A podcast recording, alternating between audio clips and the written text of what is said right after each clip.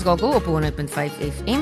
Ek is Mireille de Villiers en saam met my in die ateljee is Annedien Valentine. Sy is 'n oogarts wat ons spesiaal by ons kom aansluit vir ons beroepe insetsel. Baie welkom. Baie dankie vir die hartlike welkom.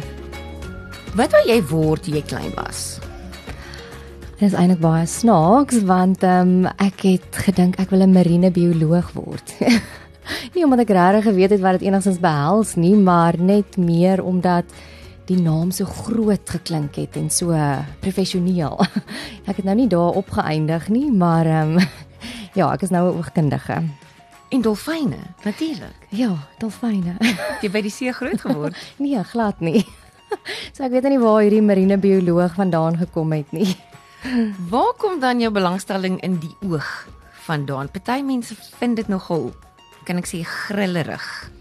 Ja, daarom hoef ek nou nie enige inspuitings of te sny of enige iets soos dit nie, maar ehm um, ja, ek was actually self nie seker op op hoërskool gewees nie. So my ouers was slim genoeg om my te stuur na mense toe wat kan kyk wat is my aanlegte en my belangstellings en ook wat die land nodig het. Om nie net dan gaan swat jy nou iets en dan is daar 'n uh, oormaat van kom ons sê argitekte of ehm um, dokters, nie? So hulle het na alles gekyk en ehm um, toe was daar so 'n paar gewees waarvan ehm um, ek wou graag 'n argitek geword het.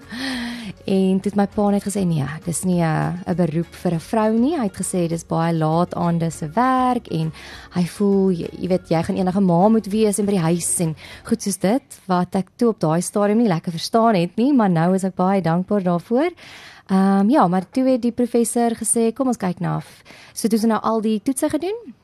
En ehm um, toe was daar nou 'n paar wat opgekom het, Fisio, Optom, ehm um, argitek en ehm um, toe moes ek hulle vir 'n week gaan shadow het en gaan kyk wat behels elke beroep want jy het 'n idee van wat hulle doen, maar jy weet nie regtig nie.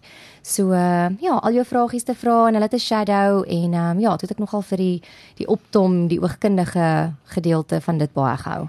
Waarvan het jy gehou omtrent dit?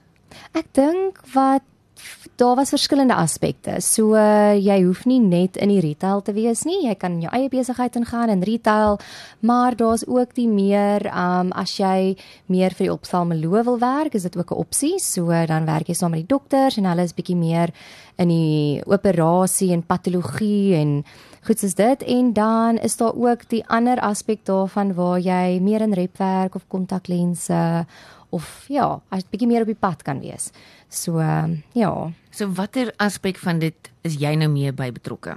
Ek is nou ek het my eie praktyk, so uh, ek is in besigheid, so uh, die die retail gedeelte van dit. Vir iemand wat dit sou oorweeg, watter vak het jy nodig op skool? Hoe lank swat jy en moet jy dan na die tyd gaan gemeenskapsdiens doen? Okay. So uh, nee, die basiese vakke Afrikaans, Engels of dit was nou toe ek nou nog geswat het. Ek weet nou nie nou nie maar ja, wiskunde, wetenskap en dan nou fisiologie of biologie. Dis wat ons moes gehad het. En dis 'n 4 jaar graad en dit sluit 'n uniers in en ons het nie 'n Zuma of iets soos dit gehad nie, maar ek weet dit is iets wat moontlik in die toekoms dalk gaan gebeur. Dan moet jy 'n Zuma jaar werk, maar ons het 'n uh, eh, ons het op die Pillow Peppa trein gaan werk. So dis so 2 weke gemeenskapsdiens wat jy uitreik na die community toe en hulle oogies gaan toets. Dit is 'n ongelooflike diens daai trein. Ja, ken jy hom? Ek doen. Hy kom sy hy kom elke jaar Bombella toe. O, okay. Daar staan hy vir 2 jaar. Ag, 2 jaar. 2 weke by die ja, stasie. Ja. Vroeg tot laat en dit is of gratis dienste of ja. dit kos iets soos 10 ja, baie ja ja ja en daar was dokter uh, tandartse uh, veearts oogkundiges ag nie veearts nie skus uh, verpleegsters Ehm um, ja, so uh, net die basiese dienste op die Pillow Peppa. Hoe kan ek ook hierdie ding dat ek 'n apteker kort kort veearts nie. Die veearts het gesê, nee, nee, dit was 'n apteker. Wat is 'n algemene wanopvatting oor wat 'n oogkundige doen? Ehm um, ek dink hulle dink ons toets net heeldag oë. maar ehm um, ja, daar's bietjie meer agter dit. Ek dink ja, mens moet maar kyk wat is die pasiënt se behoeftes. Baie keer pasiënte kom in en jy weet sê hulle kort dit. Maar as jy net dit vir hulle gaan gee, dan gaan hulle nie altyd tevrede wees net met dit nie. So 'n bietjie vragies vra en dan eintlik hoor wat hulle regtig kort, ehm um, as om net voor te skryf wat wat hulle dink hulle nodig het. Ek weet nie jy is nou nie nie soveel dekades in die bedryf nie, maar vind jy pasiënte self-diagnoseer met behulp van dokter Google al hoe meer? Ja, ja, ja. Ehm um, ek dink deesdae se pasiënte is baie meer ehm um, wat is die woord? Ehm um, hulle weet hulle gaan lees op voor die tyd. Ehm um, as hulle jou toe kom, weet hulle al baie meer as 10 of 20 jaar terug. Wat ek voel goed is. Ek ek hou ook daarvan om my pasiënte as ek hulle klaar getoets het te verduidelik presies wat ook fout is want ek voel dis belangrik hulle moet weet wat aangaan. Ehm um, so ek hou daarvan as hulle so aankom en dan kan mense hulle net so 'n bietjie reg help en sê ja, ons kan na dit kyk, maar ek voel dit sal dalk 'n beter opsie wees vir jou en hulle net laat verduidelik hoekom. So ehm Wat 'n Ja. aspek van wat jy doen is vir jou die bevredigendste? Ag ek moet sê ek geniet my pasiënte. So elke nuwe persoonlikheid en 'n karakter in my stoel en die storieetjies wat ek daar uitkry. Ek doen al lank genoeg my werk dat ja, werk is maar werk, maar ja, die nuwe mense wat ek ontmoet, ehm um, geniet ek. Ja, en die verhoudings wat gebou word en om hulle weer na 2 jaar terug te sien, ek geniet dit. Waarvan hou jy minder? Gaan jy sê administrasie? Hoe het jy geweet? Dis baie mense se Ja. hoofgryp. Ek dink ehm um, ja, mense is nie bewus hoeveel admin in so 'n pos ingaan nie, maar daar is tog baie admin en dan nou maar sal ek sê die retail ure.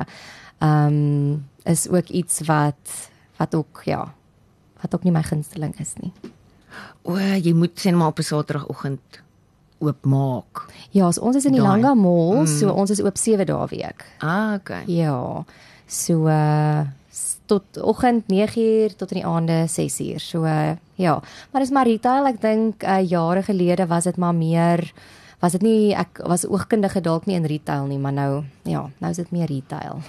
Vertel ons 'n bietjie van die tegnologiese vooruitgang. Ek dink nou die laaste keer wat ek by hom was, oogarts was, was dit hy neem 'n foto en dan wys hy vir jou wat gaan agter jou oog aan. Mm, ja, so ons noem dit die, die fundus kamera. So uh, hy's ook een van my gunsteling ehm um, kameras want hy neem 'n foto van die hele agterkant van die oog. En ehm um, deesdae wat hulle doen is daai kamera word dan nou gelink aan 'n artificial intelligence program en hierdie program sal dan nou ehm um, enige hoë risiko ehm um, probleme sal hy deurstuur na 'n paneel van optalmoloog toe en die optalmoloog sal dit dan nou ontleed en vir jou terugvoer gee en sê nee, hierdie pasiënt moet verwys word, ehm um, dringend, dit en dit en dit is die probleem. So uh, Dit is interessant, maar verstaan ek jou reg hoe 'n kunsmatige intelligensie in hierdie geval aangewend word? Is hy eh, die KI besluit hierdie moet na die opvolgmontoloog toe gaan, maar dan is dit mense. Dit is nie 'n rekenaarprogram wat besluit wat volgende moet gebeur nie. ja, so eers te begin dit by 'n rekenaarprogram en daar's net soveel optalmoloog beskikbaar.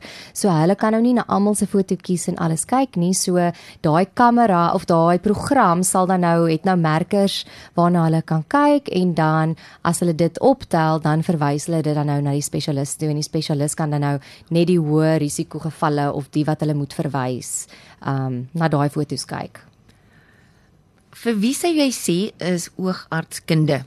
Oogkunde 'n ideale be- beroep. Kort jy sekere tipe pers persoonlikheid of belangstelling of vir wie is dit gepas? Ek sal die, ek ek dink jy moet 'n mensmens wees. Jy werk heeldag aldag met mense. As dit nou nie jou pasiënte is nie, as dit jou kollegas, as dit nou nie kollegas is nie, jy weet werk jy met reps of ehm um, verwys na spesialiste toe. So ja, jy moet definitief van mense hou.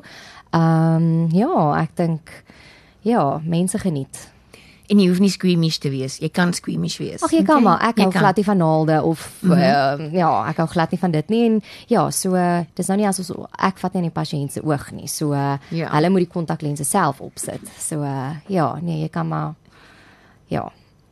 Ons gesels met Annedien Valentine. Sy is 'n oogarts hier in Bombela. Baie baie dankie dat jy kom inloer het en ons 'n bietjie van 'n kykie agter die gordyn gegee het. Dankie. Dankie vir jou dat jy my uitgenooi het.